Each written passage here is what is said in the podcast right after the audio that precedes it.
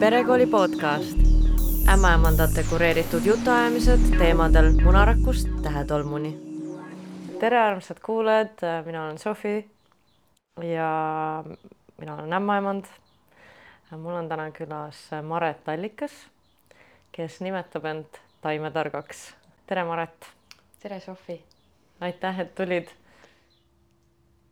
Äh, rõõm on siin olla ja ja see aeg on lihtsalt nagu imeilus, äh, kus rääkida taimedest, sest et see kevad on praegu kõige mõnusamas ja mahlasemas hetkes. ja mulle nii meeldib, kuidas sa kirjeldad alati ka neid taimi, millest sa räägid, sul on nii head ähm, omadussõnad, mida sa kasutad. aga kuidas sinust sai taimetark? ja kes see äh, üldse on? nojah, just kes, kes on taimetark ja äh, ja mina saangi rääkida seda oma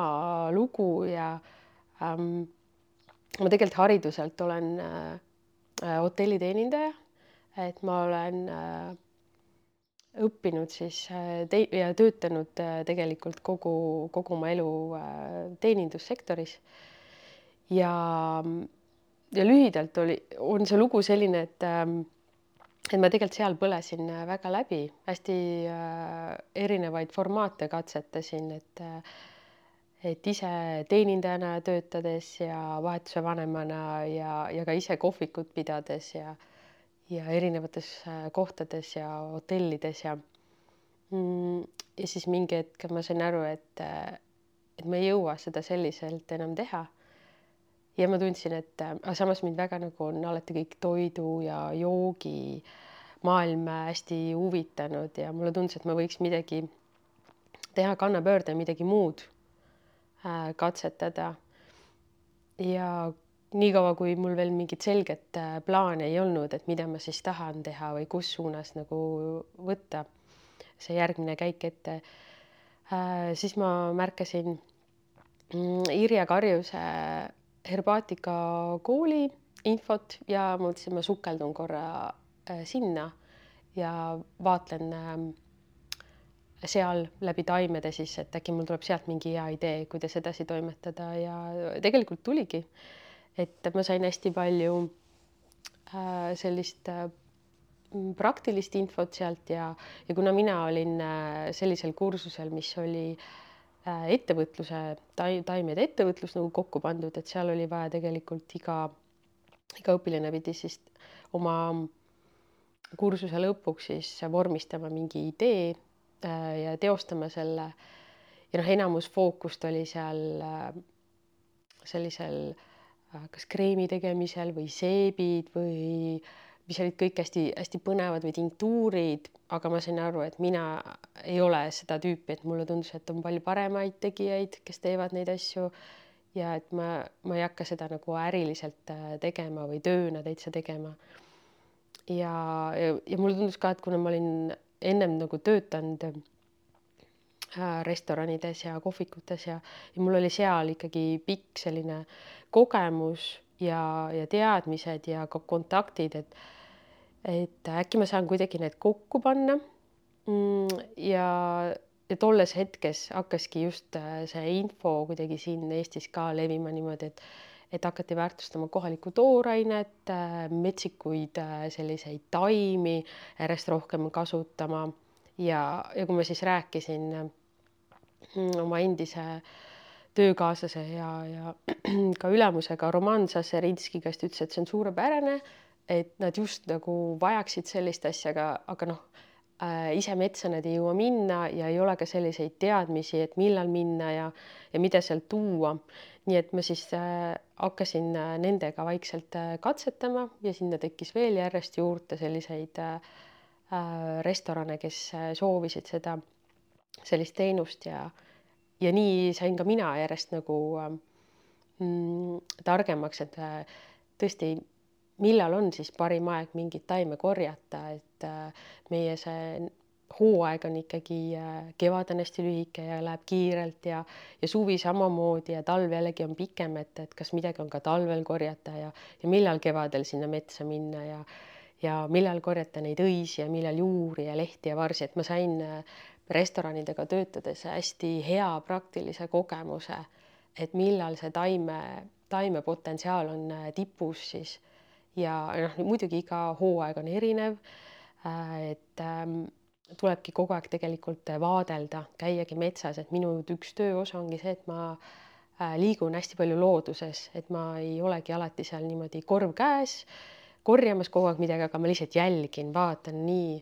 no et ma vaatan ilmateadet ja vaatan veel, mis see, mm, mis see ajaliselt võiks võtta, et siis ma saan ka alati äh, öelda, et äh, noh, umbes võib-olla kahe nädala pärast või nädala pärast on nii või naa, et kas tulevad need pungad välja või hakkavad need õied tulema. ja noh, restoranidega töötades oli ka see päris äh, huvitav kogemus neile ka, et et kui sa oled hulgilaost harjunud tellima asju et siis sa tead, et,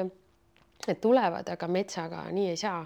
et seal on täpselt nii, nagu on, et äh, võib-olla mingit asja ongi ainult kolm-neli päeva ja siis sa pead selle tooraine ära varuma. ja võib-olla mõnda asja on no maksimum võib-olla mingi no raudrohtu ma olen kogunud võib-olla kõige rohkem niimoodi mm, märtsist võib-olla siis novembrini, et temaga saab kõige rohkem niimoodi mängida, aga seal ka muutub jällegi. aga üldiselt need ajaaknad on hästi lühikesed ja see teeb selle nagu töö hästi võluvaks ja, ja põnevaks. et iga, iga kevad on mu enda jaoks ka äh,, ma suure elevusega ootan seda, et see on nii suur rõõm jälle, kui kõik hakkab äh, vaikselt tulema sealt, alguses tundub, et on ainult äh, must muld ja, ja, ja lehed ja, ja niisugune pruun, aga ja varsti pori, pori jah. Ja, ja siis tulevad järsku sealt pori, pori seest tulevad lõhnava kannikese õied, mis on sellised äh, ime, imemaitsvad, imelise lõhnaga ja väljas võib veel sadada vabalt lörtsi, aga nemad lihtsalt tulevad ja õitsevad ja ja see on ka võib-olla selle äh, Eestis elamise võlu ähm,, et jälgida taimi niimoodi, et, et nad äh,, nad saavad sellega hakkama, selle kliimaga ja neid ei takista see õitsemast ja viljumast ja edasi toimetamast, nii et äh, mulle tundub, et seda saab paralleeli saab Eesti inimestega ka toimetada, et või tõmmata, et nad saavad suurepäraselt hakkama väga erinevates situatsioonides ja tingimustes ja on niisugust sitkust ja samas õiteilu. mis aastal sa läksid sinna Irja Karjuse herbaatika kursusele ja kaua see kestis? Äh, mina käisin, ma peangi mõtlema, ma arvan, et see oli kaks tuhat kolmteist sügis äkki. kümme aastat tagasi? jah, praktiliselt küll, jah, ongi kümme aastat tagasi ja see oli, see oli aasta. nii et sügisel alustasime ja siis su mm, nii-öelda suvel lõpetasime. aga noh, ikka äh, koolide ja kursuste ja kõikide mm, selliste asjadega on nii, et äh, hästi tore on käia ja leida neid toredaid kontakte ja põnevaid mõtteid, aga tegelikult tuleb lihtsalt hakata kasutama neid teadmisi, et et ma olen hästi suur iseõppija ikkagi ka. Ja minuga eelnev haridus on ikkagi selline, et see on kutse, kutseharidus. et ma, ma tunnen, et see sobib mulle suurepäraselt, et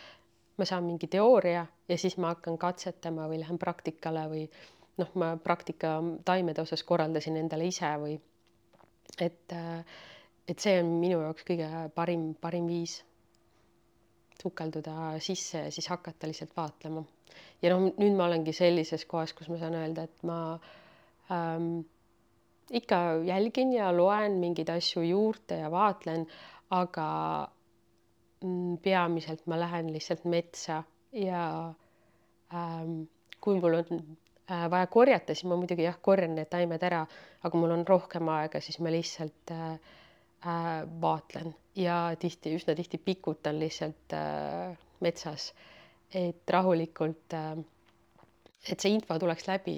ja, ja nii-öelda, et see taimede lugemine oleks äh, selline, seda ei saa kiirustades teha, sa pead natuke nendega seal olema, pikutama ja vaatlema nendega, kuidas valgus jookseb ja mis lõhnad on ja et praegu see töö, tööosa on äh, päris suuresti selline. ja sa mainisid äh, korraks, et äh, seda taimede potentsiaali, et selleni sa jõuadki siis läbi sellise vaatluse ja tunnetuse. Või kuidas sa, sa kirjeldaksid, kas inimesed, kes ei ole niimoodi pikutanud metsas, et kas nemad ka tajuvad seda, et näiteks sa noh, umbes ette, et see raudrohi on kuuvalgel aprilli, aprilli ööl korjatud või, või see on noorkuu või et kas sulle tundub, et, et tegelikult see on lihtsasti tajutav mm.? kui kuulatada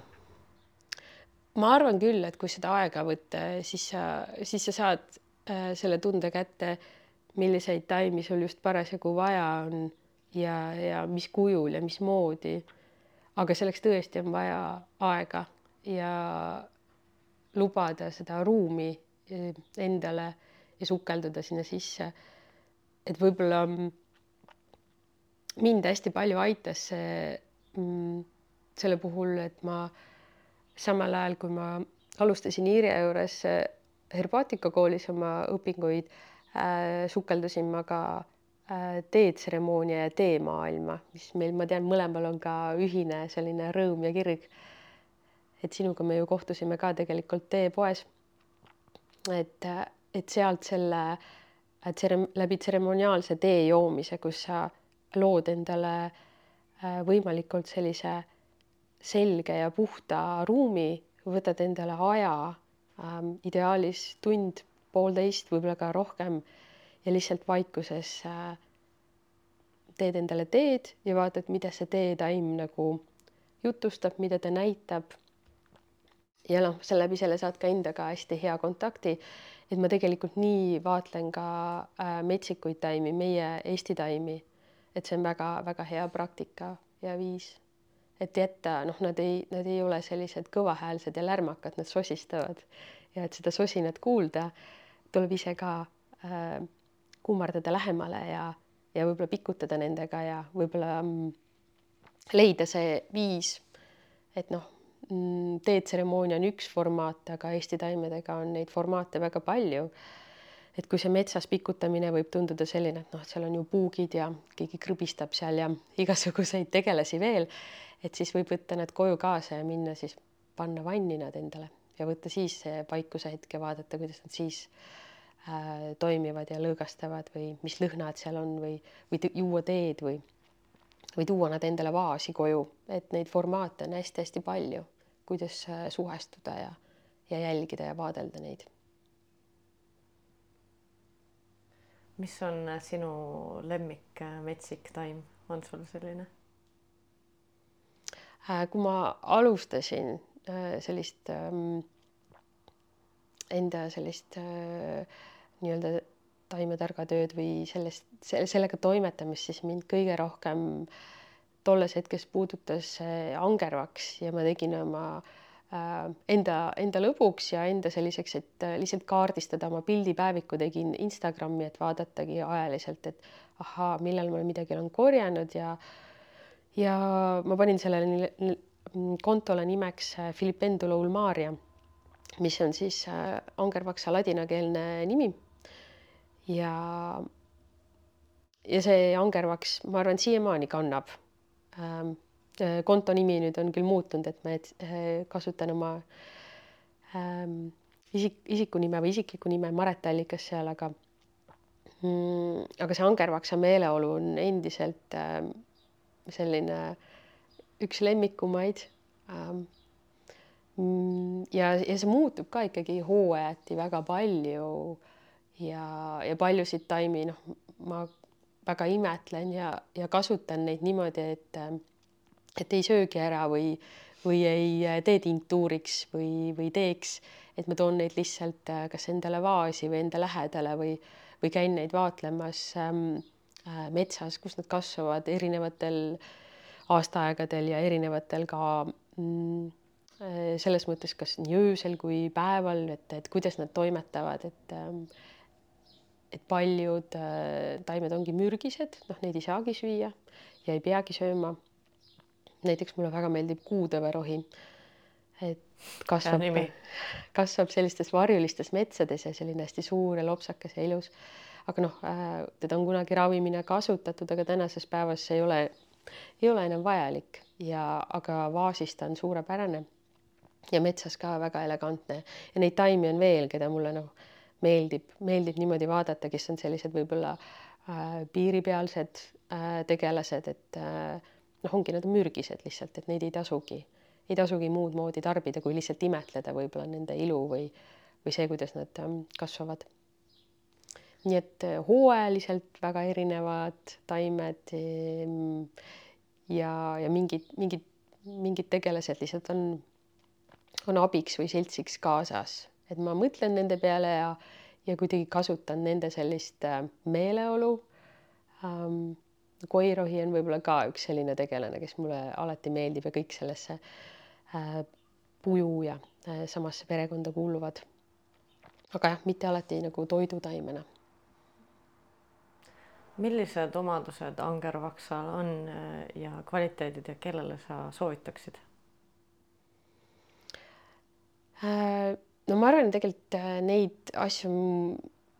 mida angervaks, millega ta nagu keha toetab, et neid ongi hästi lihtne lugeda raamatust ja neid mul ei ole mõtet ka ümber, ümber jutustada, et ta on põletikuvastane ja, ja kõik need asjad äh,. Mulle lihtsalt äh, tema puhul sümpatiseerib see mm,, et ta varakevadel, nüüd on juba lehed on suured, aga tavaliselt märtsi algus, märtsi keskpaik ilmuvad tema sellised purpurpunased äh, lehed, mm, äh, ka muud, muu ülejäänud maa on kõik veel võib-olla pruun, aga siis sa leiad need purpurpunased lehed, need maitsevad selliselt mõrumandliselt, teevad suu natuke paksuks. See on esimene siukse, esimesed siuksed värsked, värsked maitsed, mis tulevad ja, ja ta kuidagi on hästi tõstev. Minule isiklikult mõjub hästi selliselt ähm, hästi joondavalt ja maandavalt ja ma tunnen, et noh, et see kõik, ähm, see kevadine värskus on kohe-kohe tulemas, et kui see angervaks on juba nina välja pistnud ja, ja see on, see on selline nagu ma ütleks,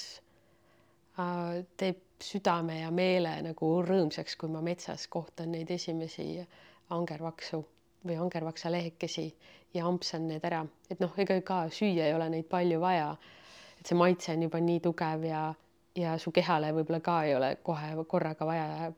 tervet peotäit, et ühest lehekesest täiesti piisab. ja, ja siis tuleb mm,, ma arvan, kõik teavad seda südasuvist äh, jaanipäeva paiku, kus angervaksa väljad ikkagi niimoodi lainetavad tuules ja on sellist äh, mesimagusat kaneelist, vaniljest nagu lõhna mis on noh, mõne jaoks võib-olla liiga tugev, aga mulle alati meeldib käia sealt äh, läbi jalutada nendest angervaksa väljadest, et need on nii. Ma tunnen ka, et see salvestub keha mälusse, et ma korjan mingi koguse alati nagu kaasa endale ka. aga ma pean ka alati saama äh, seal äh, jalutada, et see lihtsalt või pikutada. et seda on vaja nagu sisse hingata, et see on selline aroomiteraapiya või Ähm, meelte, meeltekosutus, et see tõesti, ma arvan, kõige nagu täpsem sõna, et ta on hästi maandav ja teeb kõik ähm, hästi avaraks ja selliseks suureks ja ähm, unistamise potentsiaal või see võimalikkuste potentsiaal kohe laieneb jällegi. et noh, kui sealt meie suves olles, kus on selline äh, leitsak ja, ja ja mm, sirtsud siristavad ja taimed lõhnevad ja siis, kui sa mõtled, et paari kuu pärast on tegelikult ähm, kõle sügis ja, ja külm, siis see tundub nagu uskumatu või kuidagi, et neid, neid hetki on vaja endale salvestada ja noh, äh, kui sa korjad paar oksa või kobarat, õiekobarat ka endale ja kuivatad need ära ja siis talvel teed endale teed, mitte ainult alati siis, kui sa haige võib-olla oled, aga lihtsalt ka kosutuseks, et korraks panna silmad kinni ja ja minna tagasi sellesse suve sumedusse. et see on äh, väga suur äh, luksus, ma arvan, et meil on Eestis selliseid ähm, äh, looduslikke kooslusi ja metsasid, et me saame seda teha ja meil on ka äh, inimestel julgus ja oskus äh, korjata endale ise taimi. et alati, kui ma puutun kokku inimestega, kes on äh, tulnud Eestisse äh, mujalt ja, ja muidugi on taimeteadlikke tarka, tarkasid ka liikumas siinpool ja aga paljude jaoks on see ikkagi nii üllatus, et võib matkaraja pealt või metsatee pealt kõrvale astuda ja ampsata sealt kas siis mustikaid või, või et on olemas metsvaarikad. Nad on küll väikesemad ja seal võib olla usse sees, aga see magusus on hoopis midagi muud. või noh, et sa korjad endale ise taimeteed, et see on, see on luksus, mida, mida tasub endale lubada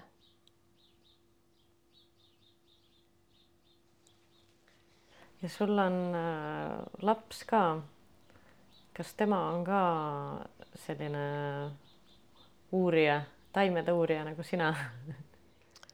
äh, ta käib mul ikkagi vahepeal nagu kaasas äh, metsas küll, aga noh, temaga see metsa minek on alati selline, et et siis ma võtan selle tempo hästi aeglaseks ja, ja ma luban temal siis valida neid radasid ja kohti, kuhu ta tahab minna ja siis mul on alati mingi piknikukorv kaasas ja, ja mingi ähm, et, et on selliseid nagu teisi, teisi kvaliteete ja teda,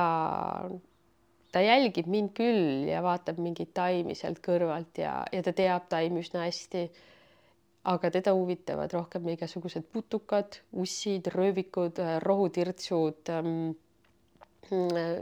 viinamäe teod, üldse teod, sellised nälkijad Äh, sellised tegelased, keda võib-olla, kes ei ole nii armastatud ja nii nagu imetletud. aga tema rõõmuga korjab need kõik kokku ja, ja musitab ja räägib neid, nendega juttu ja me tõesti vahepeal pidime, äh, kui me metsast tulime, siis ma mm, kui ma temaga käisin, et siis me võtsime neid Viinamäe tigusid koju kaasa ja siis ta äh, söötsime neid seal salati ja arbuusiga, et olid siuksed koduloomakesed ja siis pärast muidugi viisime nad jälle tagasi et noh, nüüd juba päeva elasid natuke meil ja sõid mõnusalt kõhu igast häid asju täis ja läksid tagasi. ja tal on täiesti noh, oma sihuke, kui ma metsast ikka leian mõne äh, putuka, kes on kuidagi hukka saanud või mm, või, või kuidagi seal noh, näed, et, et, et mingi äh, röövik on seal kuidagi äh, kookoni maha jätnud, et, et siis ma ikka korjan need alati kaasa ja ma tean, et teda alati rõõmustavad, et kui ma toon talle mõne ussikese, et ma olen nagu niisugune linnuema sõna otseses mõttes, et toon, toon ussikesi koju ja tal on oma karbikesed, ta paneb need sinna sisse ja siis ähm, oma niisugune kollektsioon, et see on võib-olla see, mis tema kõige rohkem sealt äh, võtab. ja, ja ta muidugi Äh, ka talle meeldib lilli korjata, et ta mulle korjab päris palju lilli ja korjab siukseid nagu ravimtaimi, et siis ma hästi huviga jälgin, mida ta mulle valib. et äh, noh, tema teeb seda täiesti intuitiivselt, ta ei tea nendest nii-öelda raviomadustest, aga aga ma alati võtan need vastu ja vaatan siis selle pilguga, et kuidas need taimed saavad mind toetada ja mis nad siis mulle võib-olla näitavad või räägivad, nii et äh, et temaga on hästi põnev äh, liikuda, aga, aga see on hoopis teistmoodi, et äh, kui ma korjan näiteks ähm, äh, nii-öelda nagu tööna, ma lähen metsa, et korjata restoranile taimi, et siis see on hästi aja, aja suhtes fikseeritud, mul on kindel aeg, ma tean, ma pean mingi aja jooksul mingid kogused sealt kätte saama ja, ja see on selline noh, hästi äh, kindla rütmiga ja, ja selge ja kui ma olen lapsega, et siis see on palju voolavam, et siis me lähme tema rütmisse, neid asju, mis ta leiab, vaatame neid ja lähme noh, rada viib sinna, kuhu, kuhu ta tahab minna. et, et siis, et ma alati proovin seda jälgida. et see, see on hoopis teistmoodi lapsega käia. aga mis taimi sa oled restoranidele korjanud? kas te olete nagu koos välja mõelnud, millised need taimed või mis nad võiksid olla? Või on see ikkagi nagu sinu äh, nägemus, et mis võiks sobida restorani toitude juurde äh,? nii ja naapidi, et on olnud ikkagi noh, nende soovid, mida nad soovivad, et äh, mis seal menüüs võiks olla ja siis äh, ja siis on ka selliseid leide, mida ma saan öelda, et ma leidsin sellise äh,, sellised taimed, neid võiks kasutada nii või naa. ja, ja siis, siis sealt tekib, tekib see koht, et äh, kas kas see läheb töösse või mitte. ja, ja võibki olla niimoodi, et äh, see korjehooaeg võib olla nii lühike, võib ka ainult paar päeva näiteks olla mingite ähm, õitega või et siis äh, lihtsalt jääbki see märge maha, et ahah, need on suurepärased, järgmine aasta võtame need nagu siis laiemalt menüüsse või, või saab suuremalt koguda, sest et et see aastaring äh, iseenesest läheb ruttu ja, ja tulevad ka uued maitsed jälle peale. aga näiteks mingid mm. taimed? nagu praegu sellesse kevadesse vaadata, et äh, ikkagi kõik need esimesed lehed ja õied, mis tulevad, need on nii mahlased ja, ja magusad, et noh, ma arvan, et naati, nõgest ja, ja võilille teavad äh, enamus või tunnevad ka ära, ma arvan mm,.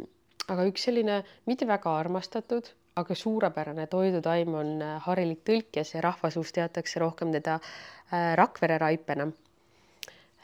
kasvab ta tõesti praktiliselt igal pool linnas ka, et teda võib-olla ongi hea tuttavaks saada temaga linnas ja siis otsida selliseid kohti, kus on äh, puhtamad kasvukohad ja sealt näiteks korjata. et ta maitses on äh, tunda sellist ähm, tema niisugune parim osa on, kui ta alguses kasvatab endale sellise lehekodara ja sealt, kui see lehekodara seest hakkab selline vars õisikuga kasvama, et see on, ta näeb välja selline veider, natukene Äh, niisuguste ogade või äh, mustade täpikestega. aga hästi mahlane ja magus, äh, vürtsikas, selline kapsa, kapsa maitsega natukene, et kui teda kergelt soolvees keeta või, või kuumutada näiteks mingis õlis või, või rasvaaines pannil, et siis ta on lihtsalt suurepärane, üsna sarnane brokoliinile või sellisele kapsalisele, et, et tema nagu võib-olla nimetus ongi olnud kas Vene kapsas või Türgi kapsas on teda rahvasuus ka kutsutud, et et ta tegelikult on väga-väga väärtuslik toidutaim ja ka üsna noh, tülikas, et et selles mõttes ongi teda hea ära süüa. ja noh, neid selliseid veidraid tegelasi on veel üsna-üsna palju. et ja ka selliseid invasiivseid, et mida ka siin äh, välja võib-olla juuritakse juba täiesti ja mis mere ääres kasvab ja mida on lihtne ära tunda, on äh, kurdlehine kibuvits et see on see kibuvits, millel kasvavad sellised suured äh, punased äh, marjad äh,. tema kohta öeldakse isegi kartulkibuvits, et marjad nagu kartulid ja tal on, need õied, sellised fuksiaroosad. et noh, nendest teed teha endale, panna neid magustoitude sisse, soolaste toitude sisse, mida iganes katsetada, kus on mõnus, et et neid, neid süües, noh, see on, esiteks on see nii ilus ja see on nii maitsev, et et selliseid tegelasi on veel päris, päris palju. konnatatar. konnatatar, pargitatar, noh, nad ongi sellised head lapsel mitu nime. ta praegu nüüd kohe hakkab välja tulema, on juba sellised nagu esimesed võsud välja jäänud. maitselt meenutab natukene nagu äh, sellist mahedamat rabarberit, ta ei ole nii hapukas aga näeb välja selline roosakas ja tohutult kiire, kiire kasvuga, et temaga tõesti on nii, et äh, teda ei lubata näiteks enam noh, maale ei lubata tuua, aianduspoodides teda müüa, et ta võtab lihtsalt üle, et teda on võimatu oma aiast välja saada. et ta juured on väga sügavad, et sa ei kaeva teda välja ja, ja on teda seal proovitud mürgitada igatepidi, et noh, ta lihtsalt tohutu elujõud mis temas on, et äh, ta alati ajab need võrsed välja ja, ja kasvab kiirelt, et äh, ja kuigi, kui on selline hea puhas koht, kus teda jällegi korjata, et siis tasub neid äh, roosakaid võrsi, võrseid sealt niimoodi napsata endale ja kas siis teha äh, nii magusatesse toitudesse võib panna, tõesti panna, tehagi äh, rabarberi äh, koogi, koogi sisse panna koos rabarberiga, teda võib ka puhtalt niimoodi, et ei peagi rabarberit panema või ka soolastesse toitudesse, et äh, või võib ka teda ka marineerida, et seal on neid ka jällegi katsetamise võimalusi ja, ja teine ongi see elujõud, mis temas on, et äh, kui ta on sellise tohutu mm, potentsiaaliga, et ta lihtsalt ei anna alla, ta lihtsalt kasvab iga, igal pool ja igal ajal, kus ta vähegi satub, et ta ei vali ei pinnast ega kohta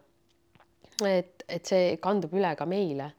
et see ongi ka, ma arvan, üks metsikute taimede äh, selline võlu või eripära äh,, mis mulle väga meeldib, et noh, nende eest keegi ju otseselt ei hoolitse, et nad peavad ise saama hakkama sellega,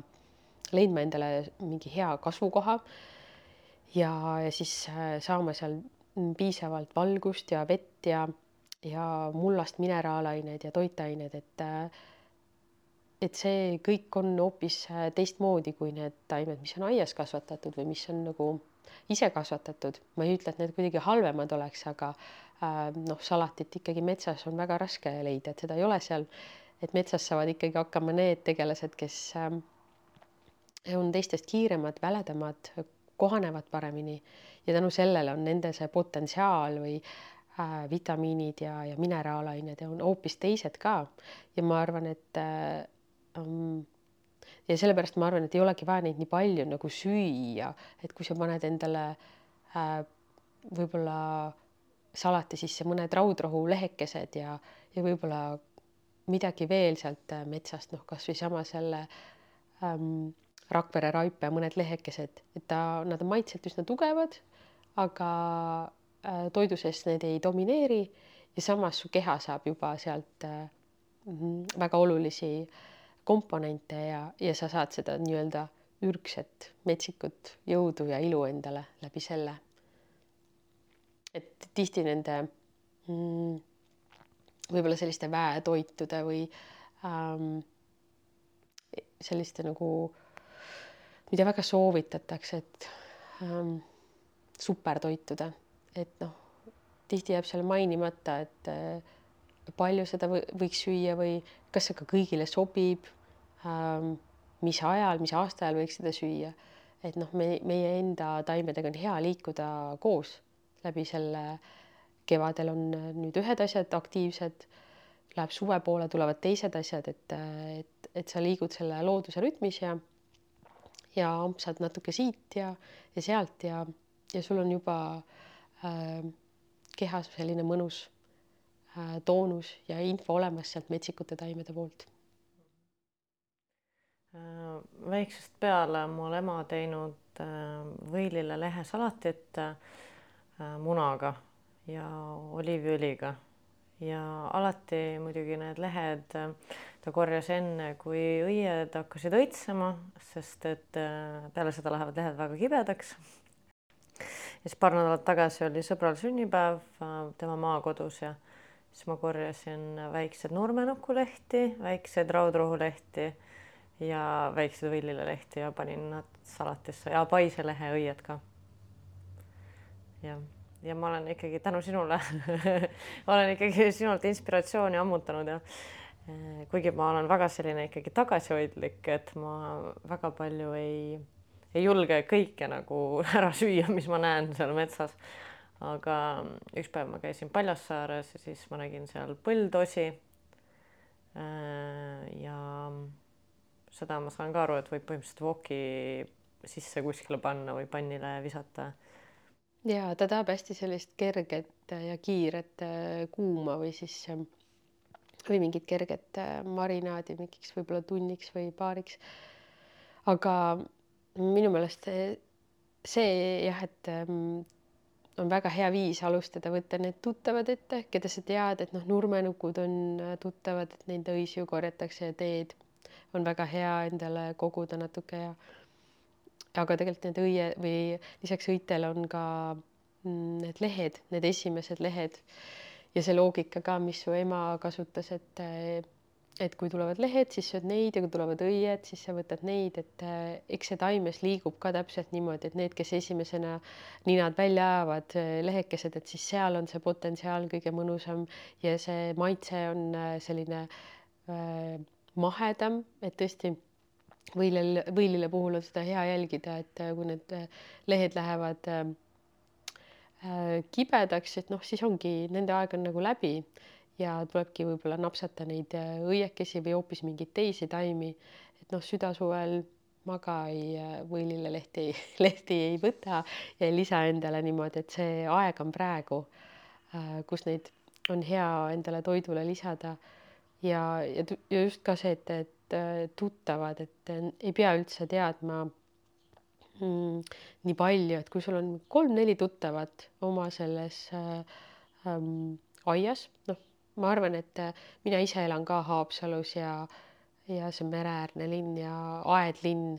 et sealt äh, koguda aiast endale natukene mingeid taimekesi, kui see ei ole just mingi väga-väga sellise tee lähedal, on väga okei okay.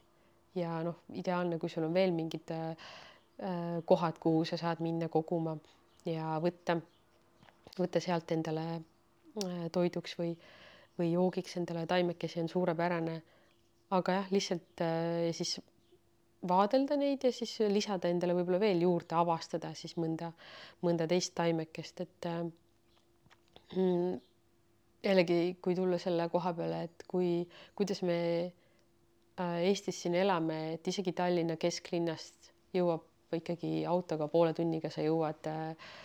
jõuad mingisse rohelusse või, või metsakesse või et see on ikkagi selline asi, mis mujal maailmas on pigem haruldane või vähe, vähe selline vähestele kättesaadav võimalust, et et see asustus on meil selline hajaasustus ja tänu sellele on selliseid äh, rohe, rohealasid ja metsakesi ikkagi nii-nii palju. ja, ja ta ja Tallinn ka nagu sa ütlesid, et Paljassaare ja see kant, et äh, käia uitamas seal äh,, hingata seda mõnusat mereõhku sisse ja võib-olla leida endale midagi ka toidulauale on äh, suurepärane. et ma ka ütleks, et see osakaal, et kui ma kogun mingeid taimi, et noh, see on võib-olla ainult jäämäe tipp sellest, mis ma sealt loodusest saan. et äh, sa liigud, sa liigud lihtsalt äh, vabas looduses, sul on, ongi, võib-olla see ei ole nii mugav, on äh, tuuline või, või sajab ka lund või mingit sellist vihma, lörtsi e,. aga äh, sa alati tuled värskemana tagasi äh,. jõuad koju, sul on äh, ja kui sul on siis taskus ka veel natukene mm, võililelehti või, või midagi, mida oma toidulauale lisada või teed teha, see on suur väärtus, see on hästi-hästi mõnus. ja, ja noh, pea läheb selgemaks, et noh, neid kvaliteete on võib-olla äh, raske nagu sõnastada, aga ma arvan, et kõik ikkagi mõistavad seda, et et selline looduses liikumine ja käimine, seal on väga suur potentsiaal ja see on väga kosutav ja, ja need ressursid mm, on selline, et sa, sa taastad ennast seal hästi kiirelt ära. saab ennast laadida. jah. aga mis sa arvad, kas kõigil oleks kasulik metsikuid taimi vahepeal süüa? mina küll soovitan julgelt aga ikkagi tuleb vaadata jah, täpselt seda, et mm, mis sulle meeldib, mis sind kõnetab, ähm, mis su lähedal kasvab. Äh, et tihti, mida ma ise olen märganud, et kui ajakirjanduses või kuskil ilmuvad mingid artiklid, kus räägitakse siis mingist taimest ja tema äh, kvaliteetidest, siis ähm, jääb seal mainimata üsna tihti, et äh, millal või kui palju teda süüa või mis, mis aja, mis aastaajal, et äh, noh, me elame tänases päevas sellises külluses, kus me võime jalutada poodi ja osta sealt nagu praktiliselt aasta läbi arbuusi või, või mingeid teisi eksootilisi asju. Mm.. et äh, Eesti taimedega noh, see, mis sa ise oled korjanud, et, et siis ongi juba see kvaliteet ka, et sa oled oma käega korjanud ja sa tead täpselt, kus sa korjasid teda ja kaua siis, kaua ta võib-olla mm, säilib, et noh, nende mm, poeasjadega on tihti nii, et sa ei tea, kaua nad on teel olnud, et paljud asjad tulevadki kaugelt ja muidugi mulle ka meeldib süüa mangosid, need on väga mõnusad. ja ma teen seda aeg-ajalt, aga, aga meie need äh, metsikud ampsud on ikkagi sellised, et äh, et seal ongi, keegi teine ei ole teda puutunud, et sina oled oma käega ta korjanud ja paned ta võib-olla oma salati sisse või, või teed teed või, või mis iganes sul äh, temaga plaanis on. ja see kvaliteet on teine ja need kogused ei pea olema tõesti üldse, ei pea palju olema mm,. et, äh, et see peab pigem selline nagu ähm, mulle endale meeldib hästi selline nagu nautimise efekt või selline, et sa et toit oleks ilus, et sul oleks endal teda rõõm süüa, mitte niimoodi, et sa sööd teda ja mõtled, et issand, see on küll mõru maitsega, aga see on nii kasulik, et ma pean ta ära sööma, et ma seda kindlasti ei soovita, et et pigem, pigem ikkagi see fookus on sellele, et sa naudid seda, et mulle meeldib väga panna äh, nii soolastesse kui magusatesse toitudesse, jookidesse õisi, et tihti õite puhul on ju, on ju see või noh, toidu ja taimede puhul ikkagi vaadatakse, et palju seal on siis neid äh, kaloreid ja mineraalaineid ja et mis nende sisaldus on, mis, mm, et miks need kasulikud on, et noh, tihti mingites taimedes ei olegi seda äh, nii palju, et nad ongi eriti õites ka, et äh, aga kui sul on äh, lõhnava kannikese õied äh, näiteks äh, võileiva peal või salati peal või, või joogi sees, see on lihtsalt nii ilus et sa sööd silmadega kõigepealt ja, ja su keha saab sealt ka, et see, see on alati nagu tõstev. et, läbi ilu äh, ikkagi saab nii palju nagu mm, tõsta ja puudutada, et mm, mulle hästi meeldib see meeleolu seal äh,. jah, ma jäin mõtlema selle peale, et ähm, et poes on olemas aasta läbi arbuusid, avokaadod äh,, isegi mulle tundub, et tomatid on õige lõhnaga talvel. Et see on tegelikult, no me oleme sinuga umbes sama vanad, et meie elu aja jooksul muutunud, et mina mäletan, kui veel ma olin nagu ikkagi laps või noh, isegi kahekümnendate alguses, et ma ei mäleta, et oleks olnud nagu õige maitsega tomatid poes saadaval talvel. ja see on, see on nüüd nagu tekkinud ikkagi viimase, viimaste aastatega. Mm.. No ma ka näiteks oma, oma lapsele ikkagi äh,, kuna mulle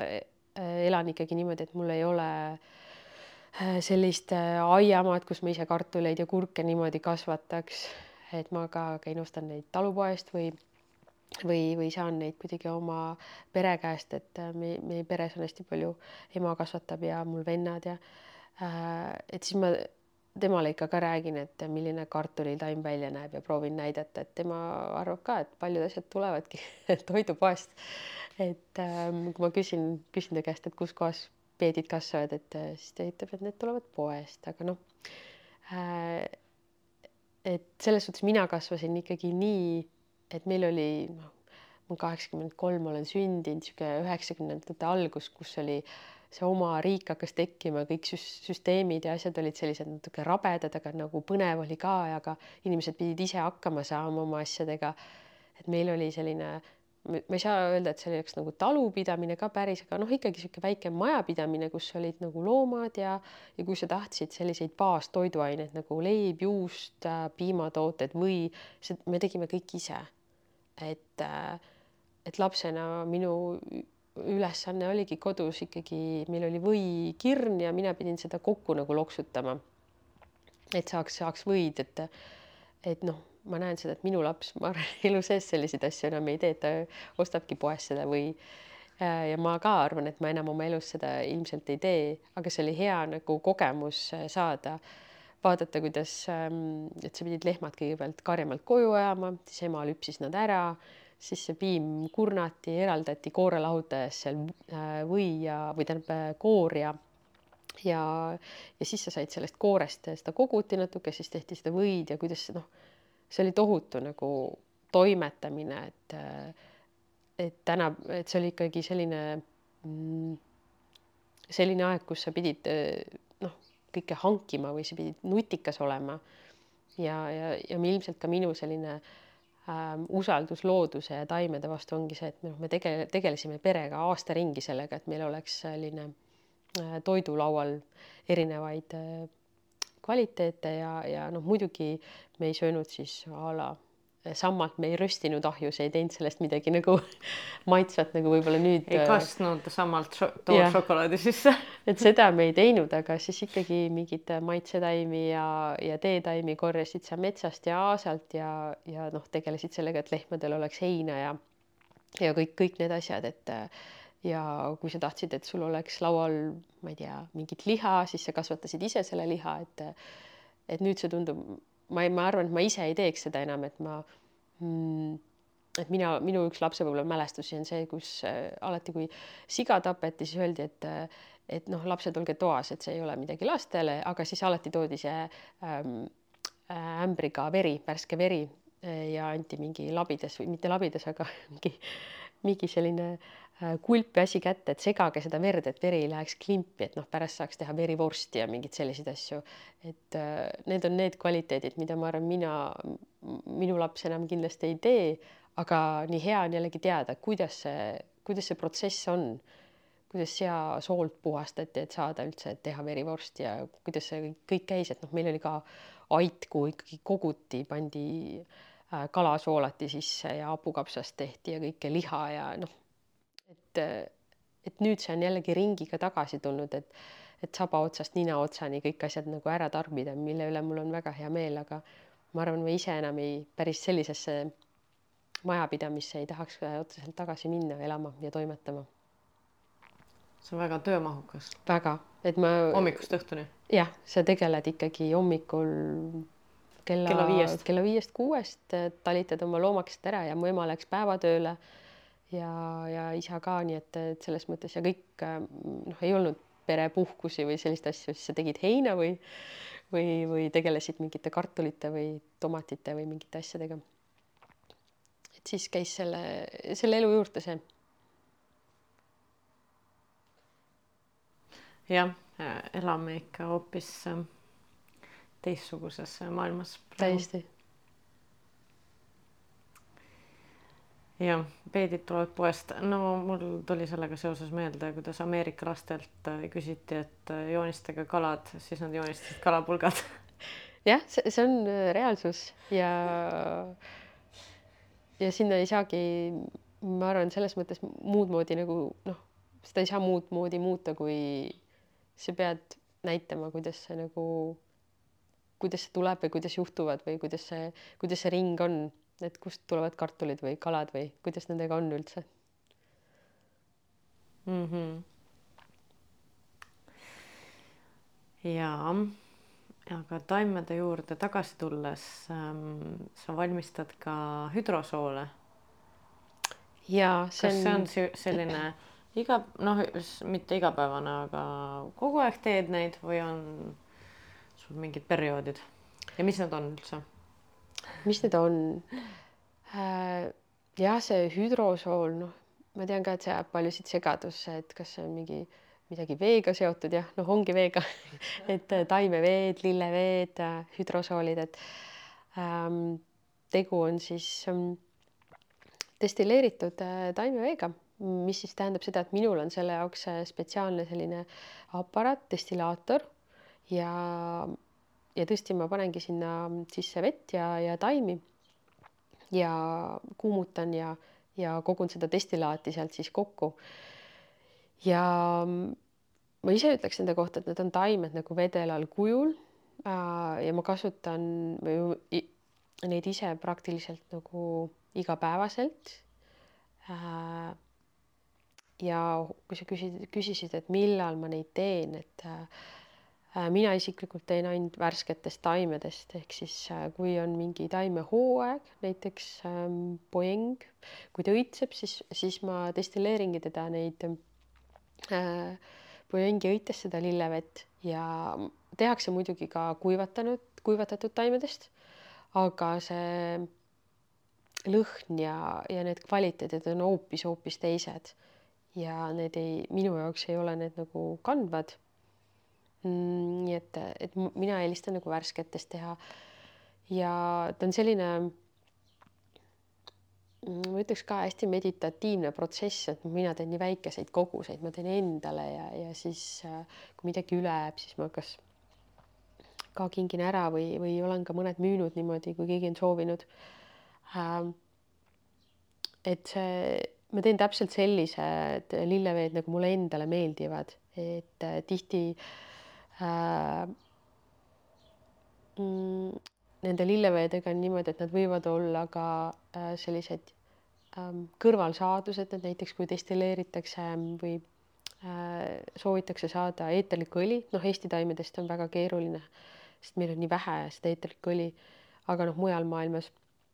Mm, et kui siis korjatakse ära sealt see eeterlik õli ja järgi jääb see nii-öelda see vedelosa ja see äh, lillevesi et noh, et siis neid on eri, väga erinevates sellistes hinnaklassides ja väga erinevatest nagu taimedest, neid, see valik on nagu tohutult lai, et kui neid müüakse. Ja tihti neil on võib-olla ka sees äh, alkoholi või säilitusaineid või veel igasuguseid asju, et, et alati tasub vaadata et alati tasub äh, vaadata seda koostist, kui lillevett osta ja tihti ka hinda, et see hinna järgi saad ka, kui midagi on ikkagi väga-väga soodne, et siis, siis see on millegi arvelt või kuskilt tulnud, sest see on väga nagu tegelikult aja, ajakulukas protsess ja ja nõuab ikkagi ressurssi. nii et äh, see on hästi suur ja sügav maailm tegelikult, kuhu sisse nagu sukelduda ja mulle väga meeldib seda äh, jällegi ka selle nurga alt vaadelda, et mm, mis need taimed siis nagu räägivad või mis nende potentsiaal on või mis mis seal veel peidus on peale nende raviomaduste ja mm, kõikide selliste noh, üld, üldteada-tuntud kvaliteetide. et siis ikkagi selle destilleerimisprotsessi käigus see info tuleb hästi läbi ja tegelikult noh, ma ka hästi valin, kus ma korjan neid taimi, millal ma korjan, sest see ähm, destilleerimise mm, ajal ikkagi saad aru, et noh, angervaksaga on võib-olla hea näide, et kui sa korjad teda äh, just siis, kui on need äh, alumised õied on lahti läinud ja ülemised on veel nupus. et see on kõige nagu kõige tummisem ja kõige nagu võimsam aeg, aga kui ta on täies õides juba, siis see muutub, see lõhn ei ole enam nii see, et siis ta on selline väga spetsiifiline äh, ja üldse mitte enam nii nagu küütlev ja selline magus ja mõnus. nii et et ma jällegi ka jälle olen võtnud selle endale selliseks õppe, õppeprotsessiks või vaatlusprotsessiks, et sealt jookseb minu jaoks hästi-hästi põnevat ja olulist infot ja, ja ma saan jälgida, kuidas nad mind toetavad ja mm, ja ma olen näiteks saanud ka nende puhul hästi head äh, tagasisidet äh,, et noh, nad ka on äh, vedelal kujul, sa saad neid pihustada, et kui sa ka jällegi mingeid taimi ei saa sisse võtta või, või sa ei tahagi neid sisse võtta, aga sa pihustad neid oma koju või, äh, või näiteks äh,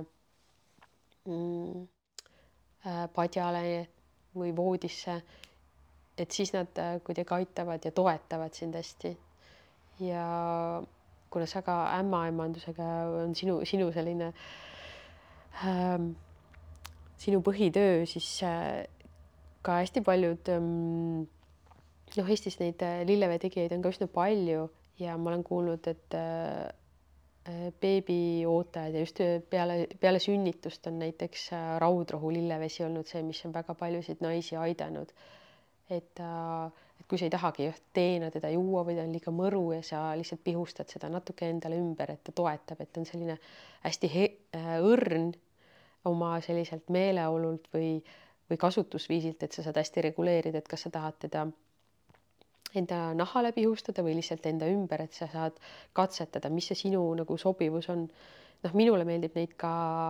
äh, juua selles mõttes, et pihustada vee sisse ja alati, kui ma destilleerin, siis ma maitsen neid ähm, äh, noh, muidugi kõik taimed ei ole sellised, mida võib-olla seespidiselt kasutada, aga enamus ikkagi on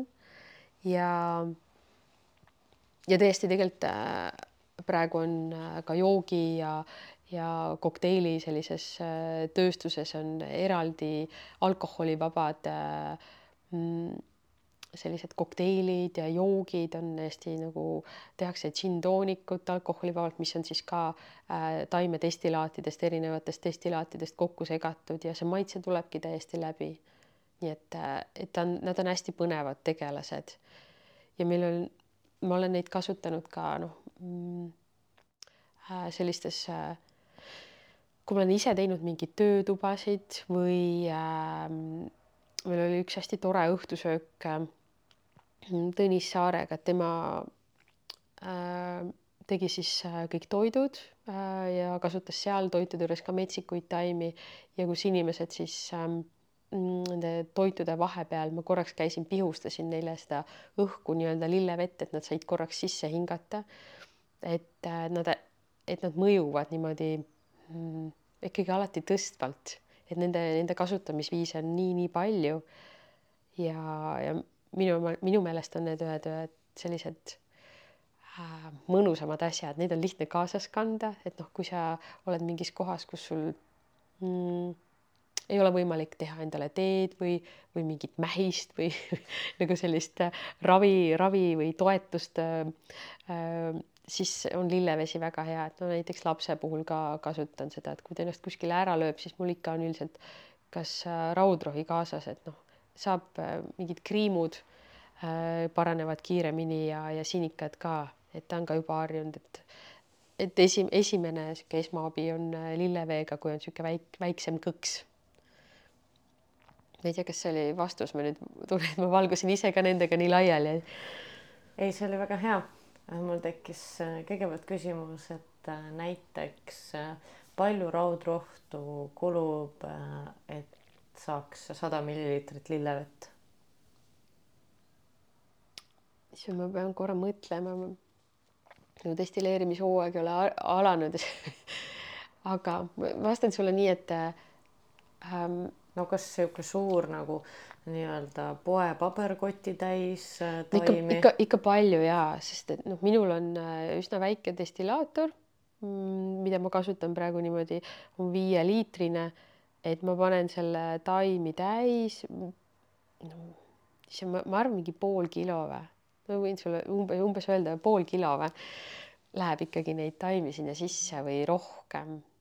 seitsesada grammi ja siis ma saan sealt äh, mis ma saan sealt võib-olla pool liitrit vastu seda destillaati, et see on üsna jah, selline aja, ajamahukas ja noh. kaua see aega võtab? koos kogumisega ja destilleerimisega ma olen kolm-neli tundi. aga korra mainisid eeterlikke õlisid ka, et milline Eesti taim on kõige rikkam nii-öelda kuidas seda öeldagi. jah, kus on kõige õlisem. jah, kõige õlisem, et noh, et see eeterlik õli tekiks, selleks on no mida lõuna poole lähed, et seal on taimedel on rohkem eeterlikke õlisid. et meil seda päikest ikkagi on siin äh, on, aga mitte nii palju ja kus mina olen näinud kõige rohkem eeterlikke õlisid on mm, sama raudrohi, tal on hästi ilus eeterlik õli, selline hele-hele sinine selline jah, täiesti uskumatult ilus. Äh, seda on alati tore, tore destilleerida, et ja ja siis on veel tegelikult koirohi, tema eeterlikõli on selline pruunikas, natuke kuldselt särab, aga et see, seda on üsna palju olnud, aga teistel on pigem nagu vähe, sa näed, et see on seal ähm,. aga noh, aga ikkagi väga-väga vähe ja aedsalveiga ka, mul on üks Läänemaal üks hästi tore äh, mahetalu, kelle käest ma olen aedsalveid saanud, et siis seal oli ka päris, päris hästi seda eeterlikku õli. ja mainisid äh, raudrohu lillevett äh, ja tahaks võib-olla konkreetsemalt küsida, et kas sünnitusjärgses perioodis võiksid naised ka seda lahklihale endale pihustada näiteks mm.? Ma arvan küll, mina, mina soovitaks, kui vähegi see sobib, ei ole allergiaid, sest et ähm, kõigepealt peab vaatama seda ja et kas sul, kas sul on mingeid allergilisi reaktsioone või kuidas nende taimedega on. kui ei ole, siis äh, ma ise näiteks äh, peale sünnitust kasutasin küll kõige rohkem äh, raudrohtu, et tavaliselt juuakse kas raudrohuteed, aga kui see noh, ongi võib-olla maitsena ikkagi üsna selline tugev ja mõru ja sa oled siis kindlasti nagu tundlikum ja, ja see mõnikord ei pruugi sobida. Või siis ongi selline seis, et sul on äh, ikkagi tõesti on, kas see lahkliha on rebenenud, ta on üldiselt, kas see on õmmeldud või see, see on ikkagi selline haav ja et ja kui sa seda jood teena, siis see võtab nii kaua aega, et see kõigepealt läheb su makku ja siis ta jumal teab, millal ta jõuab sinna lahklihani. et äh, et siis näiteks on küll hea teha või kasutada seda hüdrosooli, et sa saad seda pihustada sinna peale, et ta tõesti aitab sellel haaval paraneda. üldse niikuinii on noh, mina kasutasin väga palju, mulle endale väga-väga sobis see peale sünnitust ja ma olen seda soovitanud, kes vähegi saab nagu, kellele sobib see ja ma olen äh, tuulade käest ka, kes on siis sünnitoetajad äh,, ka kuulnud mitut hästi toredat lugu, kus noh, ongi äh, kus sünnituse käigus ka kogu see pinge ja see pressid ja kõik need lähevad nii siia alla, see on kõik, kogu see pinge on jäänud siia kinni sellesse äh, ongi häbememokad ja need on kõik sellised juba äh, noh niikuinii on need paistes ja, ja igatepidi nagu äh, sellised ähm, tursunud ja, ja pärast sünnitust ei ole see nagu maha läinud ja kuidagi noh, nii raske on seda kuidagi saada sealt, et siis ka on mitu head lugu olnud, kuidas on äh, raudrohi aidanud selle liikuma saada sealt äh, selle energia ja see pinge on sealt, sealt vabaneda ja need haavad paranevad kiiremini ja noh, sul on lihtsalt endal kordades lihtsam ja noh, neid taimi tegelikult on veel, ma arvan, mis, mis sobivad, aga ma arvan, raudrohi on üks selline kõige universaalsem, mida ma alati soovitan, kui keegi ütleb, et ta sooviks midagi peale sünnitust, et siis kui vähegi saab, siis ja sobib, siis ma soovitaksin küll seda kasutada. on sul veel mingeid soovitusi värsketele lapsevanematele mm.? Mis mind ennast kõige rohkem toetas peale lapse saamist, oli ikkagi äh, äh, leida neid äh, neid kohti, mis lõõgastavad või mis pakuvad sellist äh, lõõgastust, et niikuinii sa oled äh, magamata ja sa oled väsinud ja sa koondad ennast sealt kokku ja kui sa oled veel just võib-olla e-, esmakordselt emaks saanud või lapsevanemaks saanud, et siis see kõik on lihtsalt nii uus ja, ja see nii-öelda äh, enda nagu sündimine on ka ikkagi päris selline suur-suur protsess, et et võtta, võtta nagu kõik toetus vastu, mis iganes on, on need siis taimed või mm, ja tihti noh, ka see, ma tean, et paljusid taimi enam ei soovitata, näiteks kummelit ei soovitata, sest ta on ka, võib põhjustada allergiaid ja, ja noh, ka tõesti võib-olla sellele väikesele beebile ei tasuks neid peale panna, aga aga tuua endale näiteks ähm, mm, voodi kõrvale või seal, kus sa näiteks last toidad või toimetad endale mingeid selliseid mõnusaid taimi, lilli, mis sind toetavad või siis kasutada sedasama, et sa, kui sul on lilleveed, äh, pihustada neid endale sinna äh, ruumi, et sellega ennast toetada. et, äh, et tõesti jah, kõike ei pea sisse sööma ja peale, peale määrima nii endale kui lapsele. aga mm, ja noh, need, mis mina kasutasin näiteks ka Äh, tihti on ähm, beebidel ka selline, et nad ei kohanevad oma kehas ja neil on sellised lihas, kas jäikused või tihti tehakse mingeid massaaže ja et neil oleks nagu mõnusam olla. ja mina panin näiteks oma lapsele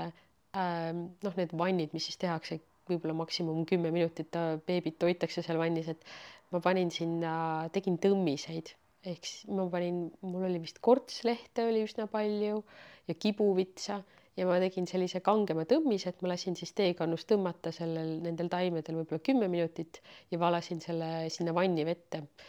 et, äh, et need olid äh, kuidagi noh, endal oli seda toredam teha ja, ja mulle tundus, et lapsele see mõjus ka hästi. et nad aitavad ka selles mõttes, kui jällegi ka peab vaatama, et kui, et mingeid allergiaid ja asju oleks, aga ja kui ta juba natuke suurem oli, mingi pooleaastane, et siis ma ka, noh, mul on niisugune talve, talvel sündinud laps. Et siis ma panin juba vannivette sinna igast õiekesi. et siis ta ka mm,, tal endal oli põnev neid seal vaadata, noh, muidugi peab vaatama, et ta suhu ei paneks, et see oleks ohutu, aga mõned roosi, roosikroonlehed ma panin sinna sisse ja et mina proovisin hästi seda ilu poolt endale tuua, et mind see väga kosutab ja hoiab, nii et et mis iganes need asjad on, mis taastavad, annavad sellist nagu tagasi. et kõik, kõik see ole, on alati nagu hea.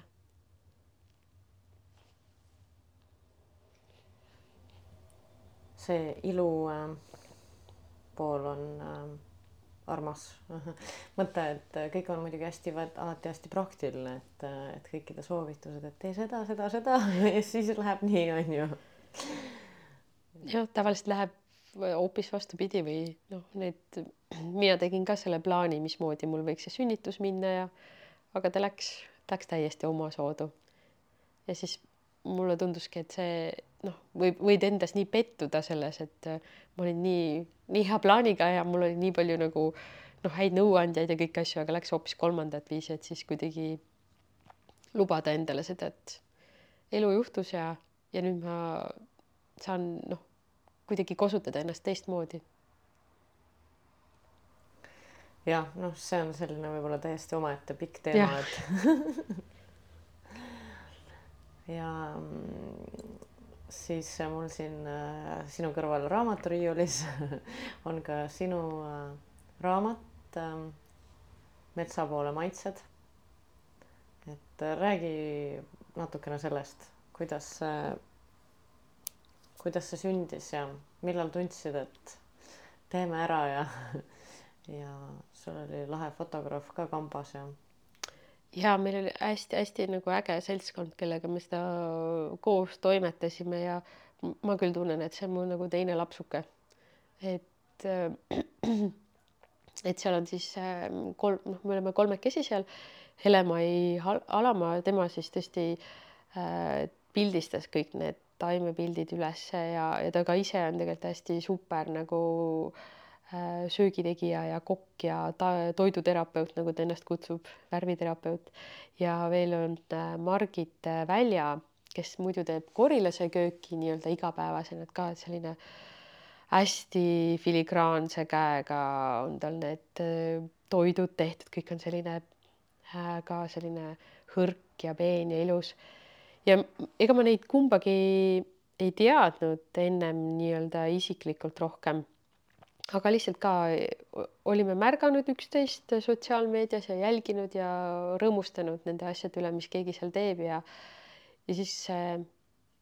mingil hetkel Elemai ikkagi tegi selle, pani selle palli veerema, ütles, et, et, et ikkagi oleks hea, kui meil oleks Eesti taimedest ka selline äh, tore raamat, kus oleks söögid ja natuke taimejuttu. ja, ja nii see kuidagi läkski, et see plaan saigi teoks. Ja me tegime seda raamatut äh, äh, ikka vist kaks aastat täitsa tegime, sest et äh, me liikusime äh, taimede ja loodusega samas rütmis, et kevadel läksimegi metsa ja vaatasime, mis me saime sealt, pildistasime ära ja tegime söögid ja, ja nii me läksime kuni sügiseni äh, välja. ja tegelikult äh, jäi veel päris palju materjali nii-öelda nagu üle või ei mahtunud raamatusse ära. Ja, ja noh, see protsess ise on ikkagi nagu hästi mõnus, õpid enda kohta nii palju, sa õpid teiste käest, vaatad, kuidas nad mingeid asju teevad, et hästi-hästi inspireeriv. Mm,. et ma, ma olen hästi nagu tänulik ja, ja rõõmus, et, et see asi juhtus ja, ja sellise seltskonnaga juhtus, et, et see on olnud su super äge nagu protsess. Ja ma ise tunnen ka, et me, et hea, et see on saanud raamatu nagu kaante vahele. et noh, ma kajastan kõige rohkem oma taimeasju sotsiaalmeedias, et see on selline kaduv nähtus ikkagi, ma arvan, et et võib-olla mõne aja pärast keegi ei kasutagi Instagrami enam või, või ei käi Facebookis, et ja mis ei ole üldse halb variant, aga et raamat, see jääb riiulisse ja, ja seda saab jälle võtta kätte ja, ja vaadelda sealt. nii et, äh, et see on jah hästi-hästi-hästi-hästi niisugune süda, südames olnud. Äh, ma arvan, et ma ei ole seda ennem, me ei, ei olnud seda nagu mõelnud, et tahaks raamatut teha aga mul on nii hea meel, et Elemai selle plaaniga nagu tuli ja ja tema on ju täiesti äh, uskumatu tegelane, ta on väga-väga mitmeid ägedaid kokaraamatuid välja andnud, et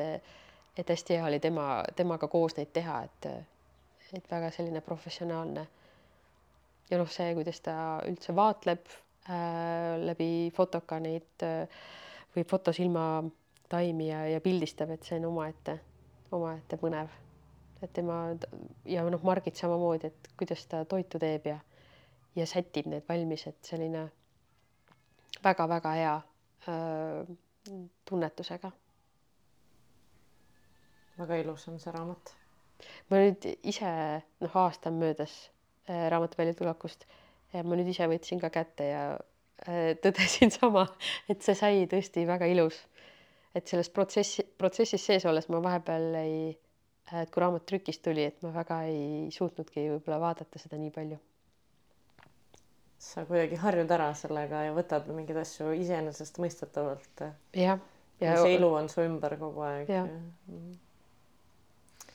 Kas on veel mingeid äh, plaane sul äh, tulevikus? sa ütlesid, et materjali jäi veel.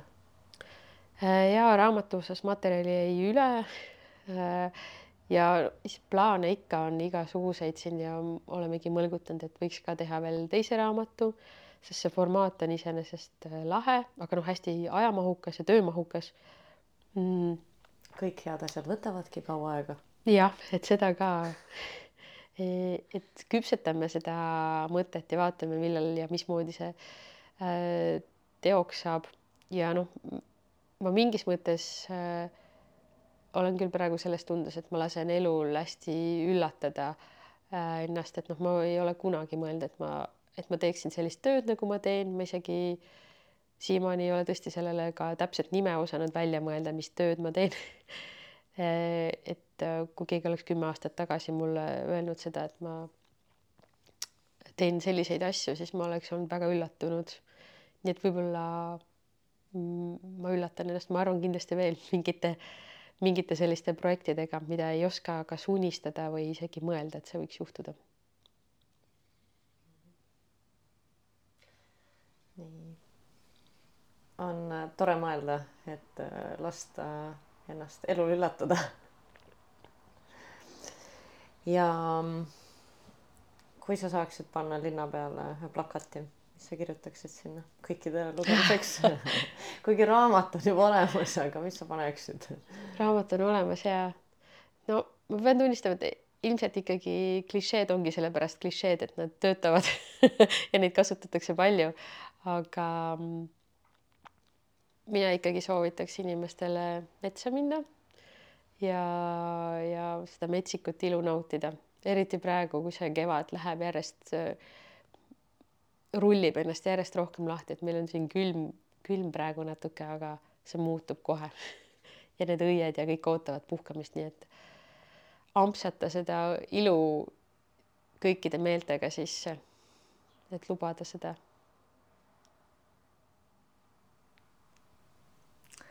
aitäh sulle, mind sa alati inspireerid nagu väikest pausi võtma, nagu käiku vahetama madalama peale, et ja jah,